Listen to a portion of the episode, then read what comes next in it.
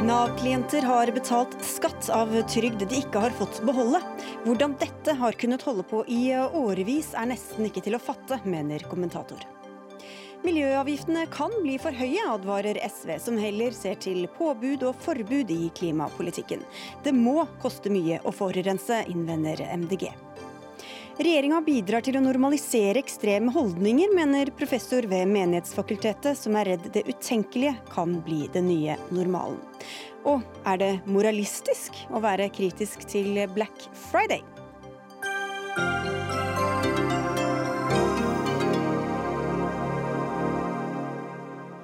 Dette og mer til skal vi diskutere den nærmeste timen i Dagsnytt 18. Jeg heter Sigrid Solund. Og Vi starter sendinga med nyheten om enda en sentral offentlig etat som har gjort store feil, denne gangen skatteetaten.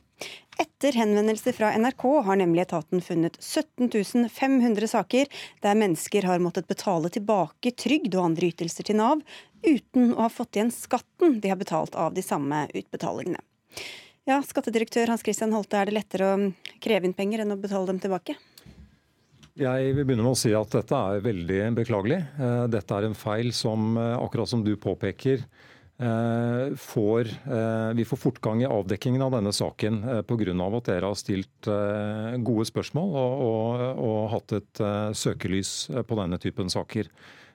Og så er det slik at vi nå har identifisert at det dreier seg om 17 500 da Nav-brukere som har tilbakebetalt en ytelse uten at skatteberegningen er, eh, er, rettet opp. Så dette har vi nå oversikt over. Vi vil gi en um, informasjon til alle som dette gjelder innen jul. Og så vil vi da foreta skatteberegningen i løpet av januar. Og da kommer opprettingen av sakene, altså utbetalingen, kommer da eh, rett i kjølvannet av dette.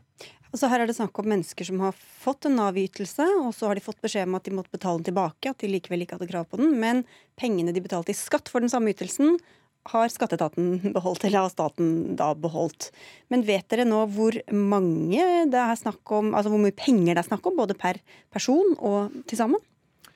Vi har ikke totalbildet ennå, eh, men det vi vet er at det ser ut til at en typisk sak eh, er fra rundt 500 til 5000 kroner eh, i skatt, som altså ikke har blitt tilbakebetalt til de som dette gjelder.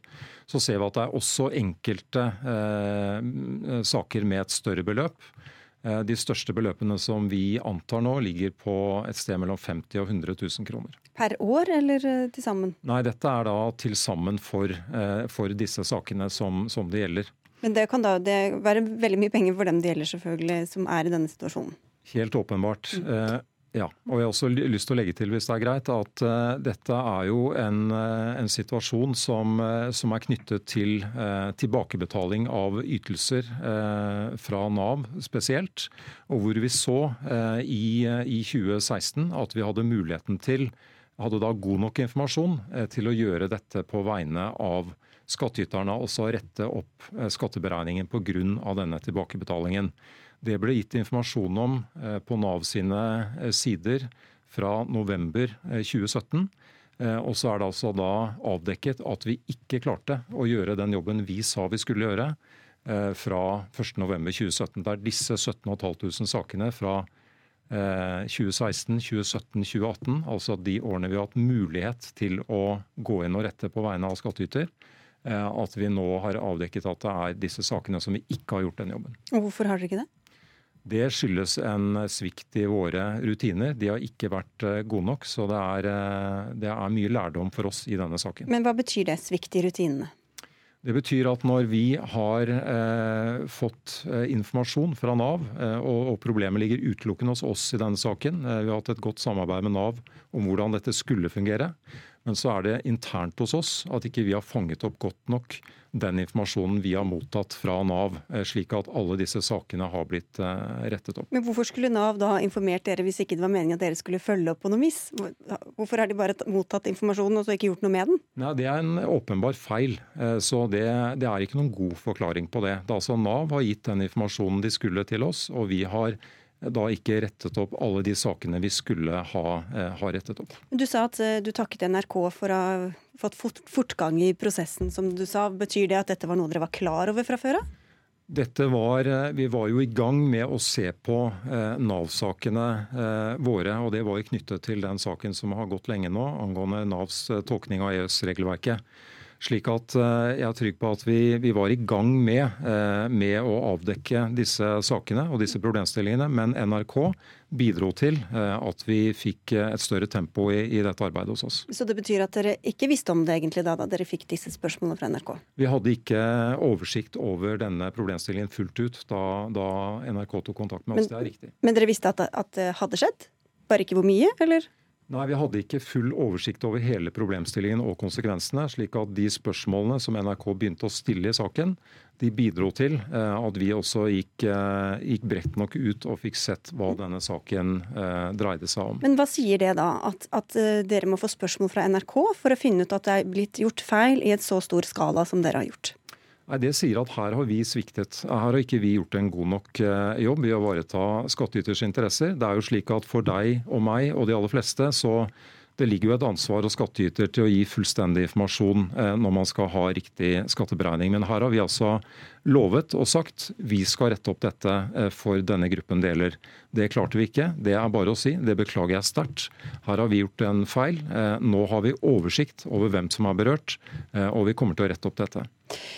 Opposisjonen på Stortinget er sterkt kritiske. Rødt, Arbeiderpartiet og SV bruker ord som oppsiktsvekkende, del av et mønster om at trygdemottakeres rettigheter ikke blir ordentlig ivaretatt. Skandalen er komplett, ubegripelig, de ber statsministeren rydde opp. Hva tror du at dette kan gjøre med tilliten til hele dette offentlige apparatet? Jeg tror at saker som denne svekker tilliten til det offentlige. og Derfor er det, er det svært uheldig også eh, nettopp for tilliten i samfunnet vårt at eh, vi har gjort denne feilen.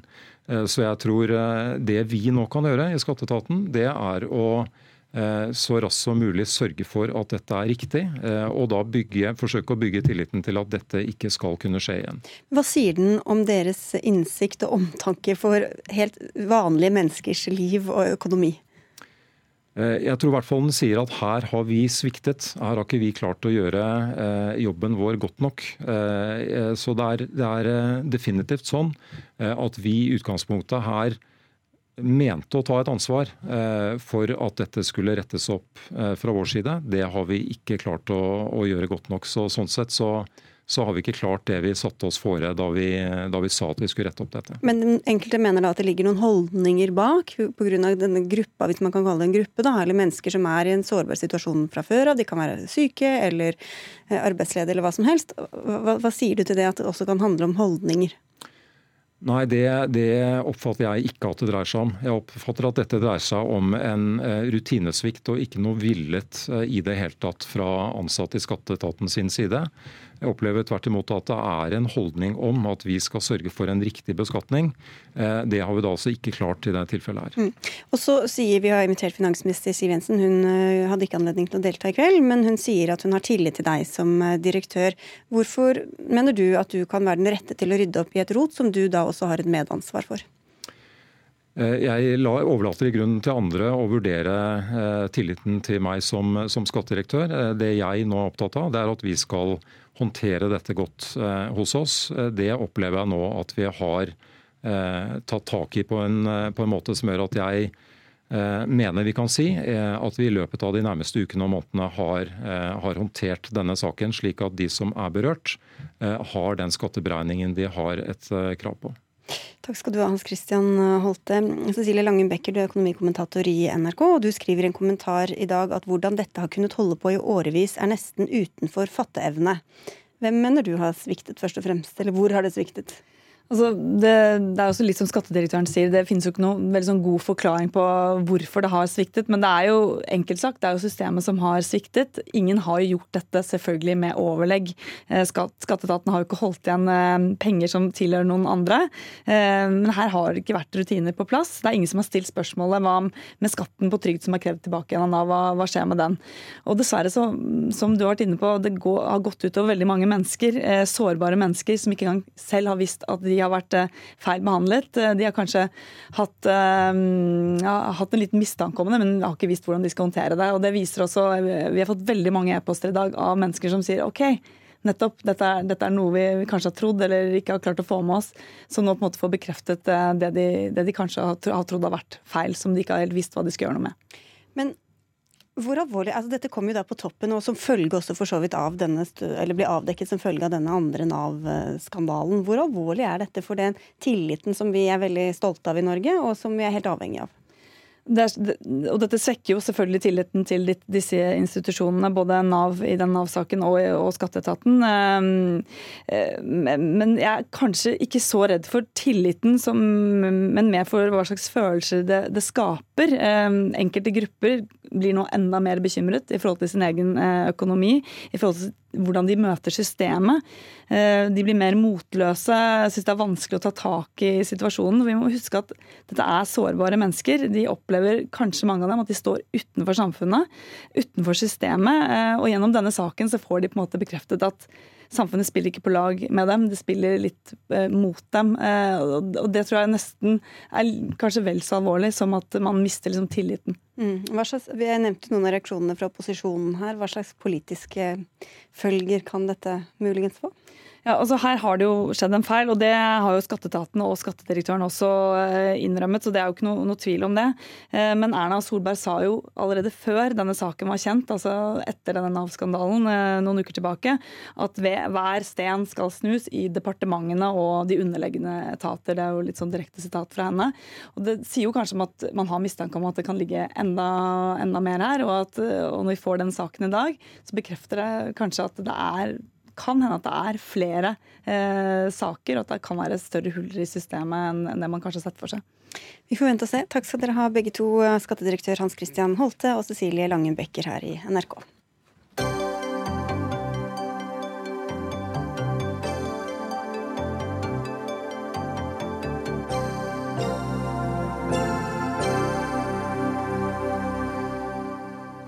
Med mindre Dagsnytt 18s lyttere og seere avviker fryktelig fra resten av befolkninga, så har veldig mange av dere vært ute og handlet i dag på Black Friday. Annenhver nordmann gjør nemlig det, ifølge tall fra Virke. Samtidig tar mange avstand fra fenomenet. Noen butikker reklamerer med at de ikke har tilbud, og flere lar seg vemmes av hele salgsuka. Trond Blindheim, du er dosent ved Høgskolen Kristiania, og i en ytring her på NRK så skriver du at Black Friday er en skreddersydd anledning for venstresiden til å flagge seg selv som den grønne godhetsapostelen som skal redde verden. Hvorfor tillegger du disse motivene til folk som uttrykker eh, kritikk eller er kritiske til denne kjøpedagen? Det har sammenheng med at eh, mediene har vært veldig på Black Friday og skrevet mye om det, sagt mye om det, vist mye om det. Og så ser jeg også på sosiale medier at det er veldig mange debatter som går. Og så ser jeg da spesielt klimaaktivistene bruker denne dagen for å markedsføre sin sak, som nemlig er klimasaken og miljøsaken. Slik at det virker på meg som at dette er en kjærkommen anledning for de som er opptatt av klima, til å bruke dagen for alt denne verd for å markedsføre sin sak. Så du tror ikke noe på at de er oppriktig bekymra for overforbruk? Jo, de er like bekymret for si, sitt budskap og nå fremme det, som handel er for å få solgt ut varene sine. Så det er en dag for begge parter. altså. Det har vi sett også tidligere. Og Vi ser det i Danmark, vi ser det i Sverige. Det er store diskusjoner hvor særlig miljøbevegelsen bruker dagen for å markere seg selv og sin egen jeg, godhetskapital. Eh, Selma Moren, eh, du er debattleder i Dagsavisen, og du har da også tatt avstand fra dette i din egen eh, avis. Føler du deg truffet som en slags godhetsmoralist-posør? Egentlig ikke. Jeg har jo forståelse for at folk har lyst til å handle på salg. Og hvis man har en klar mening om hva man skal kjøpe, og man ønsker seg det og trenger det og kjøper det på salg, så tenker jeg at det er helt greit. Men det er mengden av eh, salget og alle slags muligheter for salg som er problematisk i en tid vi er nødt til å tenke på å senke forbruket vårt. Da syns jeg det er helt naturlig at man, eh, man sier fra om det, da, at vi må være bevisste på det. Nå har jo også Klimaaktivistene de har hatt mediehegemoniet et helt år nå. Det har ikke vært en dag uten klimasaken har vært oppe. Så da syns de at vi glade hedonister og forbrukere kan få den siste måneden i året. Så er vi i gang med klima igjen. Okay. Men det ligger jo også i, i genene våre, dette. Sånn fra naturens side så er vi mennesker samlere og jegere og sånn, så det er egentlig det som skjer ute i markedet nå. Men, men vi vet jo at vi forbruker mye mer enn det, vi, det kloden tåler. Ja. Noen av oss gjør det, men ikke alle. Hvis vi går ut og ser på de som handler, så er det veldig unge mennesker i en etableringsfase. Og de trenger kanskje en ny vaskemaskin eller en fryseboks når den er på tilbud, for de har ikke råd til å kjøpe den ellers i året. Og vi ser det er veldig mange foreldre ute. så Besteforeldre som kjøper nye varme sko til barnebarna sine, for nå begynner det å bli kaldt i været. Og de som vi kjøpte i fjor, de passer ikke. Så det er veldig mange alminnelige forbrukere som bruker da anledningen på å jakte på gode tilbud. Ja, for, men det er jo noen, altså I 2018 i fjor så la norske forbrukere igjen 3,7 milliarder kroner i norske ja. butikker under Black Friday på nett og overdisk, ifølge tall fra Virke. I år forventes det at tallet bikker 3,8 milliarder mm. kroner. Er dette forenlig med den, med, med den utviklinga vi ser? Det er, så, det er, noe med at forbruket altså Hvis vi ser på det sånn objektivt, så ser vi at industrien vil gjerne selge mer. Handelen de vil gjerne kjøpe mer. Og Så ser vi på forbrukerundersøkelsen at forbrukerne stadig kjøper mer. Så ser vi også at politikerne er opptatt av å ha økonomisk vekst. Hvis ikke så mister de sitt hegemoni. Slik at det er en hellig treenighet. Alle er enige om at vi må ha dette. Og så er det klimabevegelsen som står opp mot dette og bruker da denne anledningen til å, eh, å markere sin sak. Men det er sånn at veldig mange av de i klimabevegelsen syns det heiser den moralske fane så høyt at de mister bakkekontakten når de går ut og karakteriserer alle de som handler på en dag som dette, som glade hedonister og kjøpeglade mennesker. For det er de ikke. Det var vel dine ord, da, men Ja. så, ja. Ja, nei, altså I sin ytring så skriver jo Blindheim at, eh, at, vi må tenke på de som uh, har dårlig råd. Og for meg så blir det helt feil å bruke Black Friday som uh, og på en måte kalle det for en, en, god ting for de som har dårlig råd. Fordi det å sette så mye press på at vi trenger så mye ting, det er i hvert fall ikke bra for de som sliter med økonomien. da. Så jeg ser ikke helt den argumentasjonen. Men noen trenger jo nye ting, så hvorfor skal ikke de da bruke den anledningen til å kjøpe seg nye sko eller ski eller hva det er? Det kan vi absolutt gjøre, men vi ser jo at eh, sånn som de tallene du la fram, det er jo helt enormt hvor mye penger vi bruker. Så jeg tror at de videoene vi ser av folk som står klemt inntil gitteret på kjøpesenteret, det er nok få av de som har en veldig detaljert plan om akkurat hva de skal ta med seg hjem, og veldig mange vil nok komme hjem med mer enn det de tenkte at de skulle. Sånn er i hvert fall jeg. Hvis jeg skal gå på salg, så er det veldig fort at jeg kjøper mer enn det jeg hadde tenkt. Det er slik at En forbruker som går inn i en dagligvarebutikk, eh, de har med seg gjerne 50-60 flere varer ut av butikken enn det de hadde planlagt og kjøpt før de gikk inn. Og Det handler jo om den strategiske vareplasseringen. At du går forbi varene. Du, sånn, du blir teppebombet av tilbud hele tiden, og så får du lyst på, og så tenker du at ja, det trenger vi, osv. Så, videre, så kommer vi ut med mye mye mer enn vi trenger. Og En forbruker de handler gjerne når de er sultne og tørste, og da kjøper de veldig mye mer av eh, både drikkevarer og mat når de går og handler på akkurat den tiden på døgnet når de handler. Men nå argumenterer du egentlig mot hele Black Friday. ja, jeg er ikke noen sånn stor tilhenger av Black Friday, men det er en kjærkommen anledning også for handelsstanden å få solgt ut varer fremfor at de brenner inne med det. For de også kjøper inn for mye, og så får de ikke solgt det til ordinær pris, og så blir det liggende på lager og lager. Og etter hvert så tenker de at vi kaster dette ut på Black Friday, så setter vi ned prisen til det vi kjøpte det inn for sjøl, så taper vi i hvert fall ikke penger på det. Samtidig har Dagens Næringsliv skrevet om at to av tre nettbutikker har økt prisene i forkant av denne tilbudsdagen, eller tilbudsuka mm. som det egentlig er blitt. Så hvordan eh, kan da dette være en god anledning til, til å handle så mye? Altså, det er veldig mange ordentlig gode tilbud ute. Det er bare til å gå og se sjøl. Jeg har vært ute og sett nå før de begynte, når de satte del prisene. Jeg skal ha ny fryseboks. Jeg har gått og sett på priser på frysebokser ganske lenge. De blir nok til at de kjøper den på, på postorder, for da fant de den rimeligst. Akkurat den samme som vi fant da på tilbud på Black Friday. Men, men det er mye lurere i år. Altså, det er mange som setter opp prisen litt før et par uker før. og så setter de ned til ordinærprisen når salget begynner. Og så sier de at de har satt ned denne varen med 600 kroner. Og så var det egentlig prisen for tre uker siden.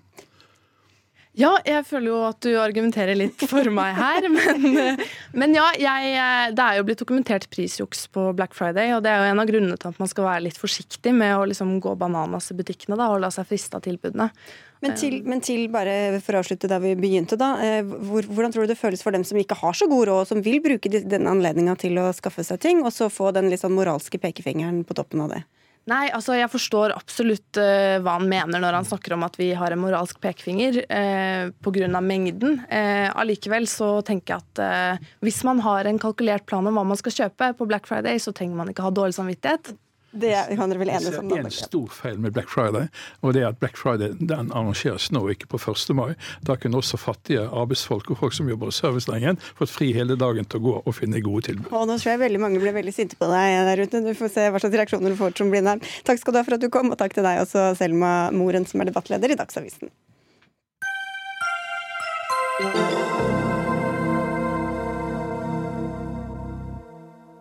Snart spør vi om forbud er et bedre virkemiddel enn skyhøye miljøavgifter i klimapolitikken, men før det skal vi diskutere såkalt ureturnerbare asylsøkere. Den debatten er nemlig blitt aktuell igjen i anledning av at tidligere biskop Gunnar Stålseth nå risikerer fengsel fordi han ga jobb til en kvinne som oppholder seg ulovlig i Norge. Stålseth fortalte her i studio i går at han er villig til å gå i fengsel fordi han er overbevist om at han gjorde det rette. Og så er det mange som er opprørt over utsiktene hans til en mulig fengselsstraff. Men dere mener faktisk det er riktig å straffeforfølge slik hjelp eh, justispolitisk statsperson i SV, Petter Eide. Hva, hvorfor det? Du, um, altså Bare for å starte et bitte lite sekund før. Hvis Gunnar Stålseth ser og hører på dette nå, så vil jeg bare si at jeg, har, jeg ser veldig opp til han det og det han har gjort. Måten han tok dette på i går, syns jeg var helt fantastisk. Han uh, sier at han faktisk er villig til å ta sin straff. han har vel ikke så mye valg, da, men Nei da, men han, han han uh, gjør dette på en ve veldig verdig og flott måte, og reiser lyst på denne saken på en veldig veldig fin måte. Så mener jeg at, uh, det sa vi i går, at uh, alle som bryter loven i Norge skal selvfølgelig etterforskes og straffes for det. Det jeg har vært opptatt av, det er at man skal ikke sitte i fengsel for å ha hjulpet et medmenneske. Og det er det jeg er opptatt av her. Det er at det, det han har han nå, Utsiktene hans nå det er 45 dager i fengsel for å ha hjulpet et menneske som han oppfatter i nød. Han har handlet i tråd med sitt hjerte og sin samvittighet. Det syns jeg er altfor strengt. Og jeg tror det er veldig mange av de som hører på dette programmet med meg i det, at vi ønsker ikke en sånn skjebne til ham. Men Da er det bare strafferammen dere vil endre i så fall. Men dere vil jo også gjøre noe med hele ordninga om disse ureturnerbare asylsøkerne. Ja, vi kommer helt sikkert tilbake til det. Skal vi eh, hoppe rett på det? Vi, vi, vi tenkte på det vi skulle diskutere. Det, det, eh, åpenbart. Det, det som Gunnar Stålseth har, eh, har gjort, er jo at han har hjulpet en kvinne som han traff, eh, og som ikke hadde noe arbeid fordi hun hadde fått avvist sin asylsøknad i Norge, men heller ikke kunne returnere til sitt hjemland. Eh, og Hun var i en håpløs, vanskelig situasjon, og han tilbød seg da at hun kunne jobbe hjemme hos han. Eh, og Vi ønsker å endre den loven slik at ureturnerbare asylsøkere, altså de som har fått avslag på opphold i Norge, men heller ikke kan reise tilbake til sitt, eh, til sitt eh, hjemland. Eh, vi ønsker å endre den loven slik at de i, i påvente av at deres sak blir løst, får midlertidig oppholdstillatelse. Det syns vi vil være riktig. Denne saken skal vi behandle på Stortinget om noen få dager. Og vi håper å få gjennomslag for det også etter denne saken her. Og arbeidstillatelse da samtidig? Midlertidig ja. arbeidstillatelse ja. Ja. i påvente av at saken har løst seg. Jon Helgheim, innvandringspolitisk statsperson for Fremskrittspartiet. Hvorfor skal det være ulovlig for folk å tjene til sitt eget opphold? Jo, fordi de er i landet ulovlig. Eh, og vi kan ikke belønne ulovlig opphold med rettigheter. Hvis du skal få rettighet til å jobbe, så vil det også følge andre rettigheter. Det er å belønne ulovligheter, eh, som vil føre til at det vil komme langt flere. Så er det veldig mye som er veldig feil i denne debatten. Det kommer feil informasjon også fra Petter Eide her nå. Det er ikke sånn at disse personene som eh, kalles papirløse, ikke kan returnere. Problemet er at de ikke vil returnere, og vi kan ikke tvinge dem. Men de kan absolutt returnere, og de har en plikt på seg til å returnere, men de nekter å samarbeide eh, og forføye seg etter lovlig fatta vedtak i Norge. Det er et problem som må bekjempes. Det må ikke belønnes. Og det er der hele spørsmålet står. Disse har fått sin sak endelig avgjort. Vi venter ikke på noe som helst. De har fått endelig avslag og anka det så langt de har klart, og fått endelig avslag. De har heller ikke fått uh, mulighet til å få opphold på humanitære grunnlag. Mm. De har rett og slett ikke noe i Norge å gjøre. De har ikke behov for hjelp, de har ikke behov for beskyttelse. Jeg syns det er mye bedre å konsentrere oss om de som virkelig har grunn for beskyttelse, og ikke alltid de som er grunnløse asylsøkere som er ulovlige i Norge. Men bare for å ta tak i dette ene her, Eide. fordi det er jo da sånn at disse menneskene har jo fått behandlet saken sin ja. kanskje en eller flere ganger, og, og, og ikke har krav på asyl. Så hva gjør det med asylinstituttet hvis de da skal få lov til å måte, lage seg et vanlig liv i Norge? Det er ikke snakk om å lage seg et vanlig liv. Det er uh, snakk om at de skal få lov til å, uh, å arbeide i påvente av, uh, av, at saken har løst seg. Enten at de da returnerer enten frivillig, eller at Norge får en returavtale med det landet, sånn at man kan sende det tilbake. Eller at de eller at de da, situasjonen har forandret seg, så de igjen får opphold i Norge. Det er altså en midlertidig arbeidstillatelse i påvente av at denne saken skal ordne seg. Men hva er sannsynligheten for at de da vil reise ut av landet, hvis de har fått muligheten til å tjene penger her? Jeg sier jo at det skal være en midlertidig arbeidstillatelse i påvente av at saken har løst seg. Så når saken har løst seg, så må de da følge da den bestemmelsen som vi da kommer fram til. Jeg syns dette er en, en, fin eh, samtale, fordi her får vi fram hva dette handler om. Og det handler jo nettopp om at eh, det er misforståelser her. Saken er løst. Saken er ferdig behandla. Den skal ingen sted. Det er endelig avslag. Punktum finale. Disse har ikke rett på beskyttelse i Norge, ikke behov for det. Og da er det så veldig feil å gi all oppmerksomheten Jeg har respekt for folk som vil hjelpe andre mennesker, og jeg vil gjøre det selv. Men jeg ønsker ikke å hjelpe grunnløse asylsøkere Nei. til å være ulovlige i Norge. Det er, og det er hele forskjellen. I, ditt, eh, I, det du sier, så ligger det at alle selv kan velge. Det er jo noen som også ikke har noe altså De er uenige. Det påståtte hjemlandet vil ikke ta imot dem. De lever i limbo her i Norge. Vært, dette har vært gjennom en grundig, rettssikker og god prosess jo, men i Norge. Mener du at alle kan reise ut og ha et sted å reise til hvis de bare vil? At det bare står på viljen hos, hos Som en hovedregel så kan alle disse reise. Eh, hjem, om de vil. Det er fristende å minne om en viss mulla dere lovte å sende ut han for en del år Han kan også reise om han vil, men vi kan ikke tvinge han til å reise. Det er hele problemet. Okay, så, men så, bare for å høre med, er, det, om, er, du enig i at det bare står på viljen hos de nei, menneskene nei, det gjelder? Dette er mye mer komplekst. og det, Vi kan ikke ha et sånt mekanisk syn på disse bestemmelsene.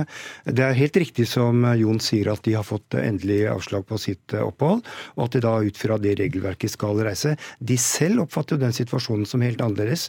De har kanskje en helt annen type informasjon, og kanskje frykter betydelig for sin egen sikkerhet hvis de reiser tilbake. Og det er jo faktisk sånn, og du er kjent med det, at det norske, de norske vedtakene har også vært feil. Vi har altså uh, i flere ganger så har vi sendt folk tilbake til områder hvor det har vist seg at det har vært veldig, veldig feil, og det har blitt utsatt for betydelig fare. Så vi kan ikke ha et sånt bastant og mekanisk syn. Vi er nødt til å håndtere dette. Det ligger i begrepet ureturnerbar. At de er ureturnerbare. Og det betyr også at vi, må ha en, at vi må ha en forståelse for at de selv oppfatter at, de, at det er i betydelig trussel mot deres sikkerhet hvis de reiser tilbake. Og, og de har, Det har jo vært historier om folk som har blitt sendt tilbake og, og, og blitt torturert f.eks. i det landet de har kommet tilbake til. Det har vært én historie som jeg kjenner til på det. Men, eh, Så det er ikke vanlig, det er unntak. Og vi vet at alle prosesser og systemer kan ha svakheter. Men vi vet også at asylprosessen i Norge er svært god. Det er svært grundig, det er svært høy rettssikkerhet for de som er igjennom det. Vi kan ikke basere oss på at eh, prosessen er feil, og anta at dersom man nekter å følge eh, det lovlig fatta vedtaket, så er det vedkommende som har rett. Det er jo ikke sånn vi forholder oss til rettsprosesser på noe andre områder, og det kan vi selvfølgelig ikke gjøre her. For Det har vært igjennom så grundige runder og fått fastslått at de har ikke behov for beskyttelse. Da må man reise. Hvis ikke, så er det en selvvalgt situasjon. Og da eh, kan ikke vi belønne det. Men samtidig så er det jo da sånn, da er dette prinsippet. Men så er det det praktiske. Altså Disse menneskene er jo her. De kunne ha bidratt til fellesskapet, eh, men får ikke lov.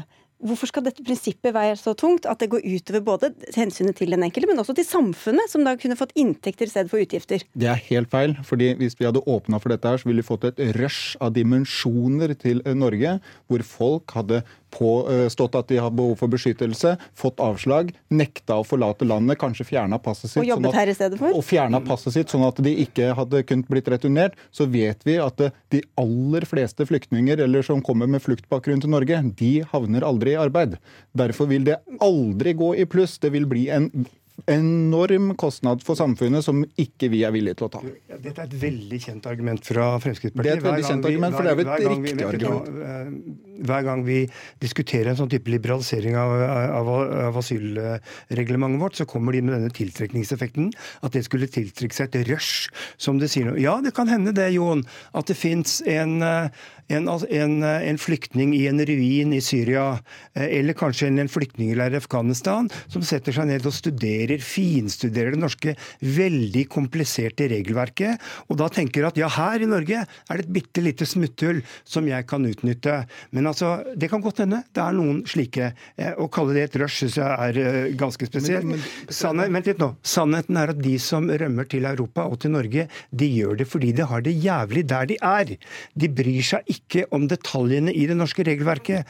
De har det jævlig der det er. Så å påstå at denne regelendringen som vi nå skal diskutere på Stortinget om noen få dager, at det vil føre til et rush av asylsøkere som kommer til Norge Men dette vet vi masse om. Nei, det vet, dette vet vi masse om. om. Og her snakker jeg faktisk om de som er grunnløse og de som vil lete etter disse smutthullene. Og dette er ikke snakk om et lite smutthull, det ville jo vært et gigantisk smutthull hvor alle bare kunne lagt bort passet sitt og sagt at jeg kan ikke returnere, og så får du automatisk bli.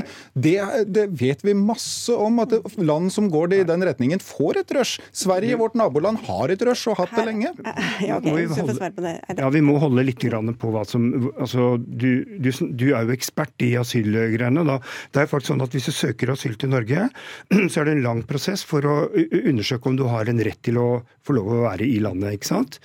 Ehm, det er jo ikke sånn at hvis du sitter og vurderer å reise til Norge fra Syria eller Afghanistan i den livssituasjonen du er i da, sitter og leter i om det er, en, det er denne lille åpningen som gjør at du kan få bli i Norge. De vil komme seg vekk fra der de er. Det er grunnen til Mange, mange de ikke gjør det. Det er derfor de søker, ikke fordi de ser dette Men de vil få opphold. De, som et, de, som har en grunn, de vil faktisk få opphold. Nå snakker jeg om de som ikke har en grunn. Du vil dem opphold også, og det er der vår forskjell ligger. Okay, det er bare fristende, og sikkert mange som tenker tenkt på dette også, at det, det, det er jo som det er fordi at dere, da dere satt i regjering, har endret på dette systemet, så man ikke skulle ha midlertidig arbeidstillatelse. Hvorfor gjorde dere det da på det tidspunktet? Ja, Det skal jeg, det skal jeg, vil ikke jeg ta noen ting ansvar for. Jeg, det var faktisk ikke SV som gjorde det. Nei, helt riktig. Det var, det var ikke, ikke SV har alt, var, var veldig kritisk til den veldig strenge linja som Arbeiderpartiet og Senterpartiet førte.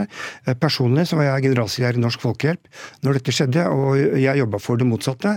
Jeg jobbet en gang gjennom den posisjonen for at uh, asylsøkere i Norge skulle ha flere muligheter til å gjøre arbeidet. Mm. Men nå skal det altså opp, som du nevnte i Stortinget, Abid Raja har uttalt seg veldig kritisk fra før av. Hvem tror dere at dere får med på laget? når dere Ja, Det er veldig morsomt å høre på Abid Raja, for nå er han plutselig blitt enig med oss. Så får vi håpe at han da trykker på knappen, den riktige knappen, sånn at han stemmer med oss i denne saken. Jeg vet hvilken knapp du skal trykke på, i hvert fall, Jon Helge. Men... Ja, dette blir ikke vedtatt i Stortinget, og det tror jeg vi skal være veldig glad for. For da tar vi vare på et system som prioriterer de som trenger det. Og, og de som ikke. Og der er tiden ute. Takk skal dere ha, begge to. Jon Helgen fra Frp og Petter Eide fra SV.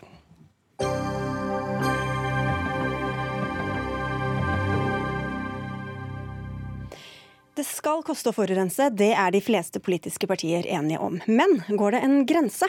Økte avgifter kan ikke få oss helt i mål når klimagassutslippene skal reduseres dramatisk. Det sier du til Klassekampen, Kari Elisabeth Kaski, du er finanspolitisk talsperson for SV. Og hvorfor er ikke økte avgifter nødvendigvis den ene saliggjørende løsninga for å komme i mål på klimafeltet? Jeg tror vi trenger å ta inn over oss hvor store utslippskutt vi faktisk skal gjøre på, på veldig kort tid. Vi må overhalvere, antageligvis nærmere kutte utslippene med 60% inn mot 2030. Veldig, veldig stor oppgave. Da må vi selvsagt ta alle virkemidlene i bruk. Og jeg opplever at klimadebatten har stagnert i et spor der man ser på avgifter som, som, et av de aller viktigste virkemidlene, og at man har avgrensa debatten for mye rundt økte CO2-avgifter, økte avgifter for å redusere forurensning. Jeg tror avgifter er et viktig virkemiddel, og CO2 bør aldri være gratis. Men jeg tror at hvis vi bare belager oss på avgifter, så, så vil, vi, uh, vil vi ikke lykkes, fordi jeg tror motstanden vil bli så stor mot det høye avgiftsnivået som faktisk trengs for å kutte utslippene tilstrekkelig. Unaina Bosholm, nasjonal talsperson og stortingsrepresentant for MDG. Dere vil jo oppnå det samme som SV, men spørsmålet er hvilke virkemidler vi først og fremst skal satse på. Så hva sier du da til SVs advarsler mot for, for høye avgifter?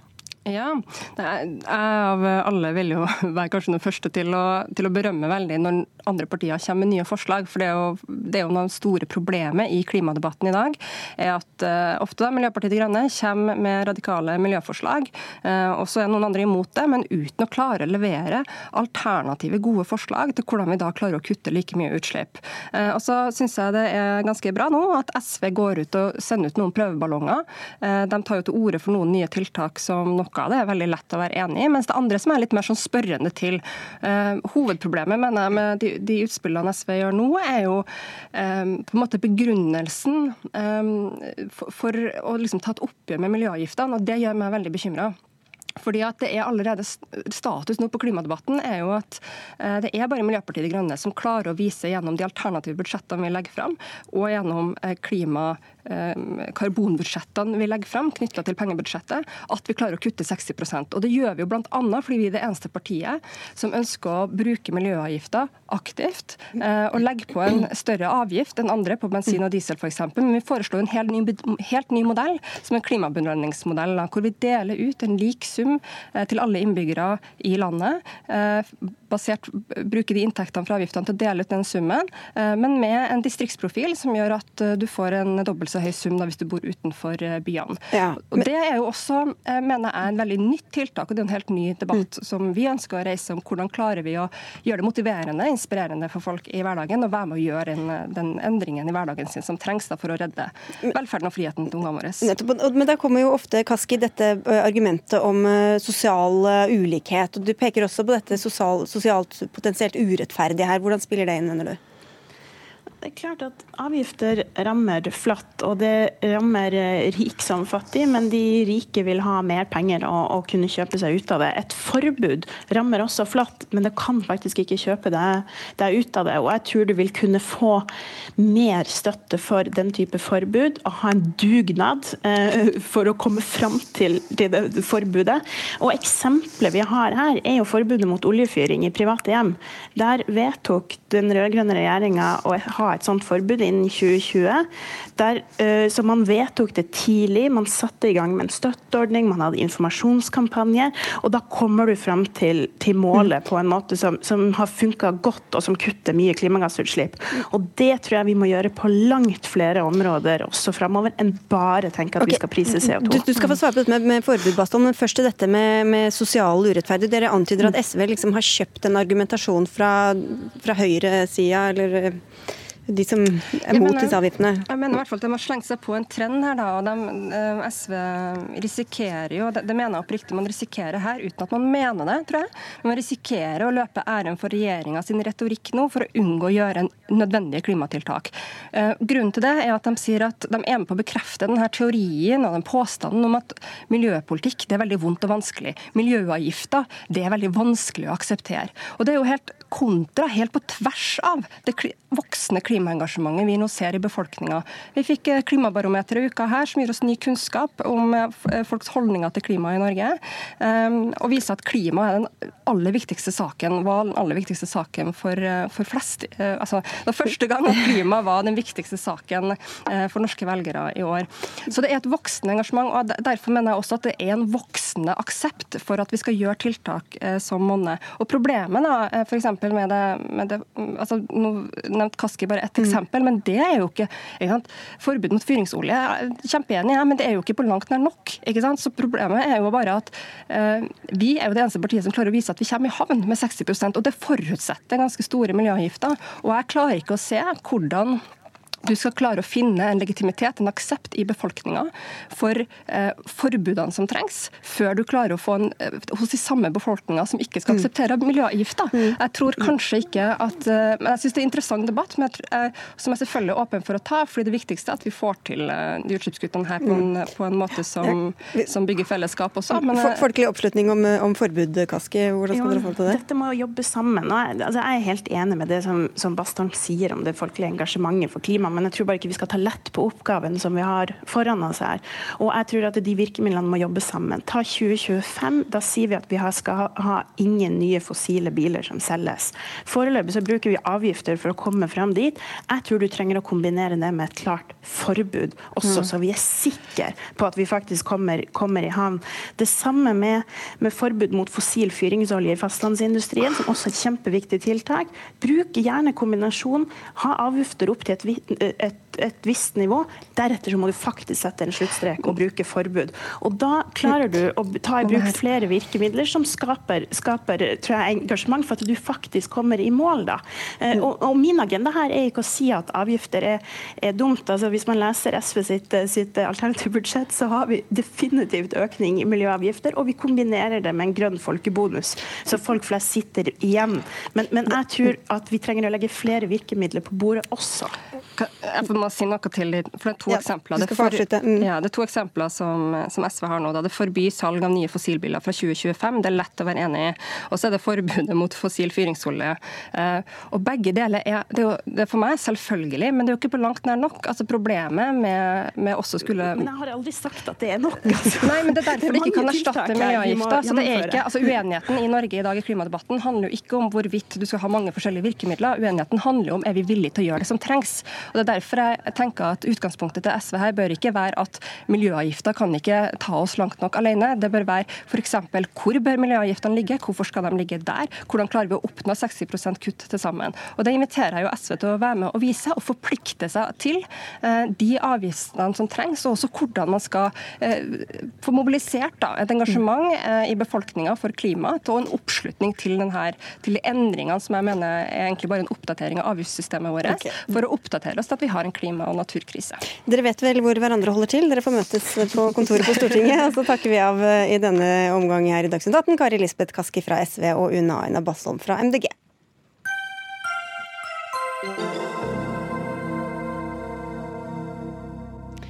Har utsagn som før ville blitt sett på som ekstreme, nå blitt eh, normale, noe få reagerer på?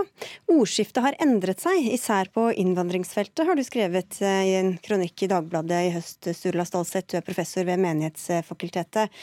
Hvilke eksempler har du på at det ekstreme nå er blitt det normale?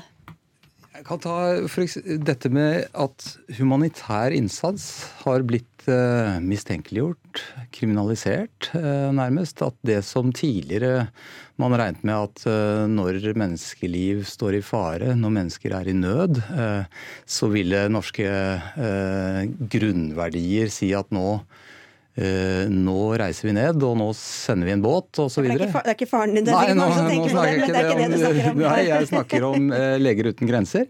Som uh, jo har vært Som er imponerende over hele kloden, hva de står for og, og, og gjennomfører. og og så blir de eh, plutselig beskyldt for å så å si stå i ledtog med menneskesmuglere og være medansvarlige for at mennesker drukner, eh, i stedet for at man, man, ser at dette er en innsats som er livreddende og helt nødvendig. Det, det er ett eksempel. Ja, så Sitater fra, fra regjeringsmedlemmer som du viser til der, da? Ja, altså så, mitt, mitt, poeng med, med, det jeg har skrevet, er at det, det, har foregått over lengre tid, internasjonalt og nasjonalt, uh, en, en, glidning av måte, normalen i diskursen og i verdiorienteringen. Uh, og og det, Alle tror jeg gjenkjenner det veldig mye internasjonalt. At uh, hva vi ser i USA, i Brasil, på Filippinene eller hvor det måtte være, er jo ting som vi, vi, vi overhodet ikke hadde regnet med skulle, skulle, skje på den måten. Og så, så, ser vi at dette smitter, så å si. At det er innslag av dette også i norsk uh, politisk debatt. Hvor vi har, mens man har pekt på ytterkantene, flyttet den normale debatten og verdiene som skulle prege den, atskillig. Heidi Nordblunde, stortingsrepresentant for Høyre. Bare for å høre først, Er du enig i premisset at det som før ville blitt sett på som oppsiktsvekkende, nå har glidd inn i normalsonen?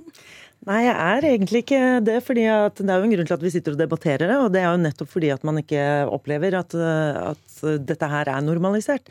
Og at man fortsatt er i debatter hvorvidt ordbruk er riktig. Statsråd må stå og svare for seg i Stortinget eh, dersom man har misforståelser og man må ha oppklaringer. Så jeg mener jo faktisk at det fortsatt er Altså at det ikke er normalisert med ekstreme holdninger. Men så har jeg lyst til å ta eksempelet som Stålsett bruker. Hva om de som påstår at tilstedeværelsen av hjelpeorganisasjoner fører til at flyktninger opplever lavere risiko ved å sette seg i båten, og derfor fører til at flere gjør det og utsetter seg eh, for fare, og flere dør? Hva om den var riktig? Da mener jeg at det, altså jeg mener at det fortjener en debatt. Det er mer ekstremistisk å la være å debattere det, enn å debattere det. Så så jeg nylig nå ny forskning som viser at dette ikke er riktig, at det viser seg at denne tilstedeværelsen ikke fører til at flere legger på eh, farlig flukt. Og det hadde vi visst det i dag dersom vi ikke hadde tatt den debatten. Men følg resonnementet et hakk videre. Ja, hva så? Eh, hvis, skulle man da, hvis man fant ut at det kanskje var noen flere som da eventuelt la på flukt, hvis det kunne vært eh, bevist, og nå er det da tilbakevist, men skulle man da altså trekke den konklusjonen at da får de jammen bare drukne? Da får vi trekke eh, den humanitære hjelpen bort. Slik gjør vi jo ikke i ruspolitikken eller andre ting. Vi, vi, vi strekker jo heldigvis eh, samfunnets ressurser langt for å bistå de som er i en vanskelig situasjon. Selv om man mot formodning skulle, skulle ha en, en slutning om at dette kan føre til at uh, flere uh, går i den egen risikoatferd eller egen feil retning. Men, men, for du vil hjelpe. Men for å ta bare det første poenget til Nordby Lunde her. Det er jo en debatt vi har om denne debatten ganske ofte. Så når vi da ganske mange reagerer da når de mener at noen går over streken, hvordan kan du da hevde at det har skjedd en slags glideflukt eller en sniknormalisering? Jo, jeg bruker jo ganske mange eksempler i, i, i den kronikken eh, som da var fortettet ut fra Jeg sier ikke hele regjeringen, jeg sier regjeringsmedlemmer, men regjeringen er jo et bredt prosjekt, så da står jo alle eh, ansvarlige for det. Og, og, og, den type Altså i det øyeblikket man tidligere i høst altså hadde, hadde et angrep på moskeen i Bærum, ikke sant, så har man samtidig debatten om, om snikislamisering, som, eh, hvor, hvor, man får eh, heldigvis etter hvert en, en tydeligere avstandstagen fra dette. Men regjeringspartiet med justisminister og folkehelseminister i spissen står for dette begrepet i den situasjonen hvor minoriteten muslimer i Norge blir angrepet. Men, og selv om Lunde, at vi, at vi ofte har debatten, så er det veldig sjelden at noe får noen faktiske konsekvenser Eh, for noen, selv om du eller andre går ut og sier at det, det ville ikke jeg ha sagt, eller der syns vi ordbruken var feil. Jo, men igjen så tror jeg vi må skille mellom flere ulike ting her. For i kronikken som Stula Stålseth har, har, skrevet, så, så, tar han fram flere ting. F.eks. da eh, debatten om visse velmenende holdninger, som f.eks. Vi driver jo mye eh, humanitær hjelp. Men hvis velmenende politikk fører til dårlige eh, resultater, dvs. Si at flere dør i Middelhavet, skal vi ikke debattere det. Det syns jeg er ekstremt. Jeg mener vi skal ta den debatten, få forskning på bordet, og så kan vi legge den til side. Det er ene siden av det. Det andre er jo om man har stigmatiserende ordbruk som eh, snikislamisering, som jeg mener det ikke finnes hold for å bruke i Norge. Men det er stigmatiserende ordbruk.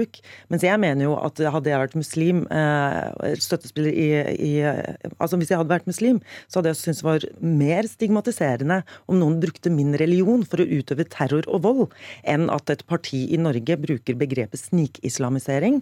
Må, må, man, må, man velge mellom de to? Nei, nei man, må, man, må, ikke det. Men, altså, men, men det ene er faktisk mer alvorlig enn en, en det andre. Og så er det siste at jeg, jeg mener også at Stolzett egentlig har et litt moraliserende standpunkt overfor de som ikke er enig med han politisk.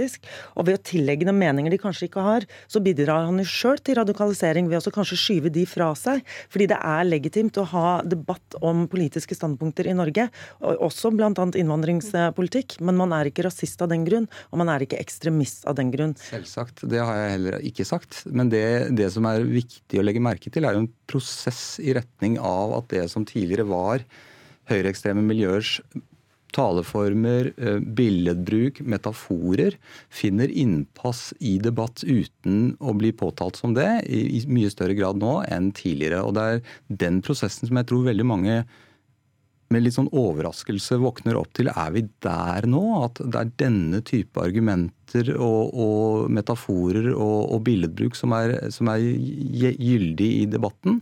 Og det er den vi må, må påpeke. Altså Fra HL-senteret har man også lagt stor pekt på akkurat denne samme tendensen. Altså at man har, mens vi fokuserer på ytterkantene, som alle kan være enige om at er et problem, og, og så kan det skje forskyvninger i den store, alminnelige eh, befolkningen og debatten som det er viktig å ha et kritisk øye for. Og det er den type både forskning og, og faglig registrering av hva som foregår, som jeg ønsker å bringe inn i denne debatten også. Ja, altså, Som sagt, jeg mener at det ikke har vært Du har en polarisert debatt i Norge til, altså, til at vi er et land hvor vi hovedsakelig er enige om hovedtrekkene. Og Ofte så kan man jo tro at man polariserer med vilje nettopp for å vise politiske skillelinjer. Men jeg mener ikke at Stålsett tar hold for å si at det, ekstremisme er normalisert i dag. Og jeg syns heller ikke han har godtgjort det i den kronikken som han har skrevet, med noen eksempler. Dere, vi kunne fortsatt, men det kan vi ikke. Så vi kan ikke det likevel. Så takk skal dere ha, uansett. Storla Salseth fra Menighetsfakultetet og Heidi Nubbe Lunde fra Høyre.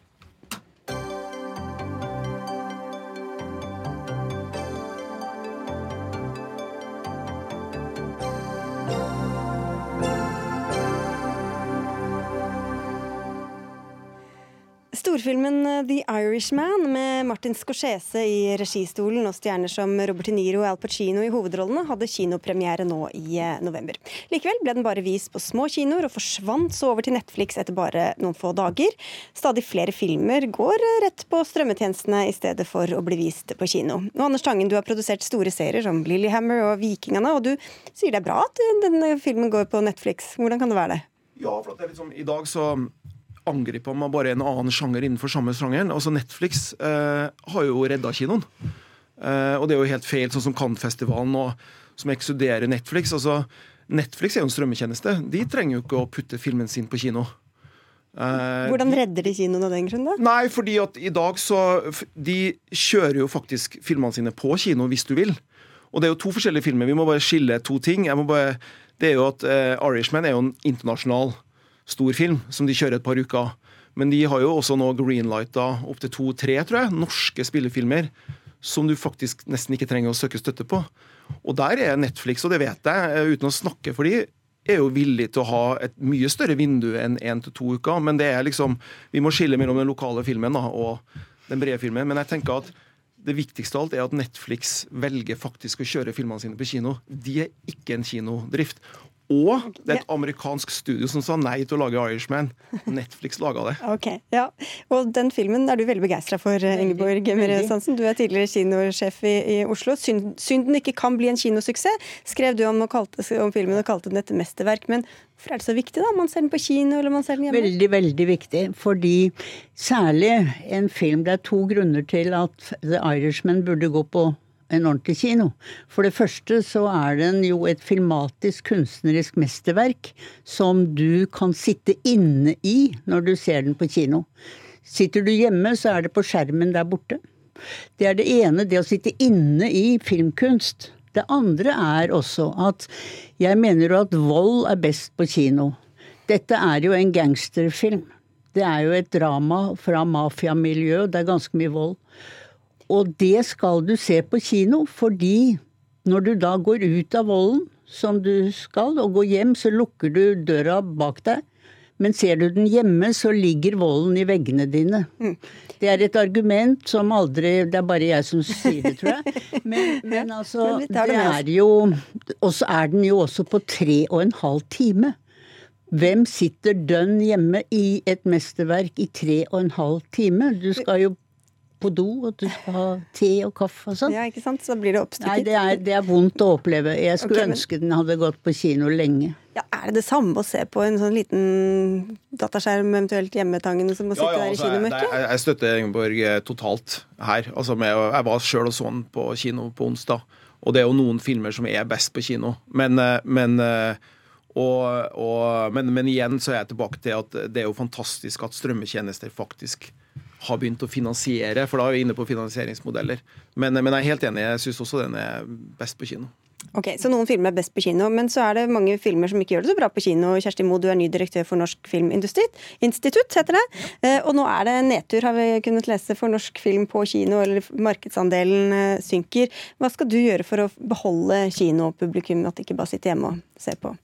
Uh, aller først så tror jeg det er veldig viktig å ikke konkludere på ett litt svakere år. Det har vært ganske jevnt eh, hele 2010-tallet. Uh, I fjor var det rekord, så hadde vi snakket om det da, så hadde det vært uh, all time high for norsk ja, ja, vi, har, kort hukommelse her. så det tror jeg er veldig viktig å ikke krisemaksimere den. vi har mye høyere norskandel nå enn det vi hadde for 20 år siden. Så det, det, går egentlig ikke så verst, men det var et fantastisk år i fjor, blant okay. pga. skjelvet. Ja. Ja. Ja, men så er saken da, hvor, eh, fordi dere deler jo også ut penger. Sju av ti kroner går til eh, spillefilmer. Veldig mange sitter da hjemme heller og ser på serier. Hvordan skal dere eh, innrette denne støtten framover med tanke på det bildet som finnes i dag? Tilskuddsordningene skal ikke jeg konkludere på i dag, det tror jeg alle skal være glad for. Men det som jeg har sagt at jeg tror er smart av oss å gjøre, er å ta litt inn over oss eh, hvordan vi treffer de ulike målgruppene som eh, er interessert i levende bilder. Vi jobber med alle former for audiovisuelle uttrykk. Eh, spillefilm er et av dem. Og så ser vi at det er veldig sånn forskjellig hvem som fortsatt er kinogjengere.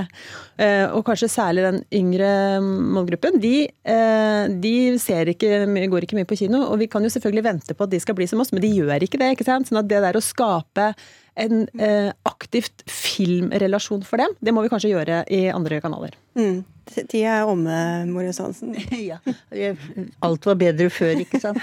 Men, eh, men, dette med å gå inn i det store tivoli, det å ha med seg barn og ungdom og gå inn i kinoeventyret, er jo noe som vi aldri må slutte å anstrenge oss for, tror jeg. Og, og, eh, nå er det jo blitt mye kiosk og mye annet osv. Men det er noe med å sitte, som i Irishman, som den store filmen, også for barn å sitte på en stor kino med et stort lerret og, og, alt dette. Og det, det ligger jo i, i eventyret med kino, men jeg er jo bekymret for at eh, strømmetjenester og alt som er i fabelaktig valg hjemme, kan ta noe av. Det er jo ikke noe, du har jo ikke noe sult til å gå på kino når du kan få film mellom hendene og i fanget og døgnet rundt hjemme. Ja, med denne nye virkeligheten, da, Tangen, hvordan skal f.eks. du, andre regissører og produsenter innrette seg for hva de skal satse på og ikke? Nei, altså, jeg, jeg, må jo følge publikum. Og, og, det handler ikke om å nå flest publikum, men, men jeg, jeg, jeg, var jo på en måte den som laga en sånn kunstnerisk altså Jeg liker ikke sånne ord, men den kunstneriske lille, den smalere filmen, da som, som, eh, og folk kom jo ikke og så den på kino lenger. Så, så når vi begynte å lage Dag i sin tid, så, så måtte vi gå på TV. Det, publikummet forandrer seg. Det betyr ikke at vi skal kutte spillefilmen, men det betyr at vi må kanskje forandre filmen, hvordan den lages for kino. Uh, og, og, og, jeg mener jo, uten å, for å snakke litt filmpolitikk, uh, og det har jeg sagt i mange år, vi må jo flytte pengene på Filminstituttet der seerne er. Ikke sant? Men det går an å ha to tanker samtidig å kombinere TV med kino. Og vi har jo f.eks. på Dag så kjørte vi alle ti, eh, ti episodene på kino. I alle store byene før den kom på kino. Det har jeg sagt i mange år også. Hvorfor kan ikke vi kjøre TV-serier på kino? Eh, eller et par episoder, i hvert fall. Så, så vi må finne nye måter å gjøre det på, og da tror jeg det er faktisk mulighet til å være både på strømmetjenester og kino. Jeg fikk noen innspill, i hvert fall. Eh, ja, men Jeg er jo helt enig med deg. og jeg tror altså, den, altså, Vi har aldri konsumert mer levende bilder enn vi gjør i dag. Vi gjør det på utrolig mange forskjellige skjermer.